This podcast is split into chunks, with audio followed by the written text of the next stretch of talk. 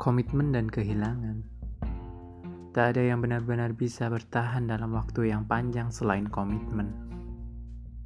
Bahu yang sore itu selalu ada, kalimat semangat di penghujung hari yang selalu hadir, sapa hangat yang tak lupa datang di awal pagi, bisa saja mendadak hilang tanpa bayangan. Alangkah baiknya menjadi diri sendiri tentang bagaimana kita percaya atas diri sendiri, tentang bagaimana kita mau menerima keadaan diri sendiri, tentang bagaimana kita menghakimi diri sendiri, tentang bagaimana kita tak berpura-pura atas diri sendiri, sebab menjadi diri sendiri menjadi menang atas ego sendiri.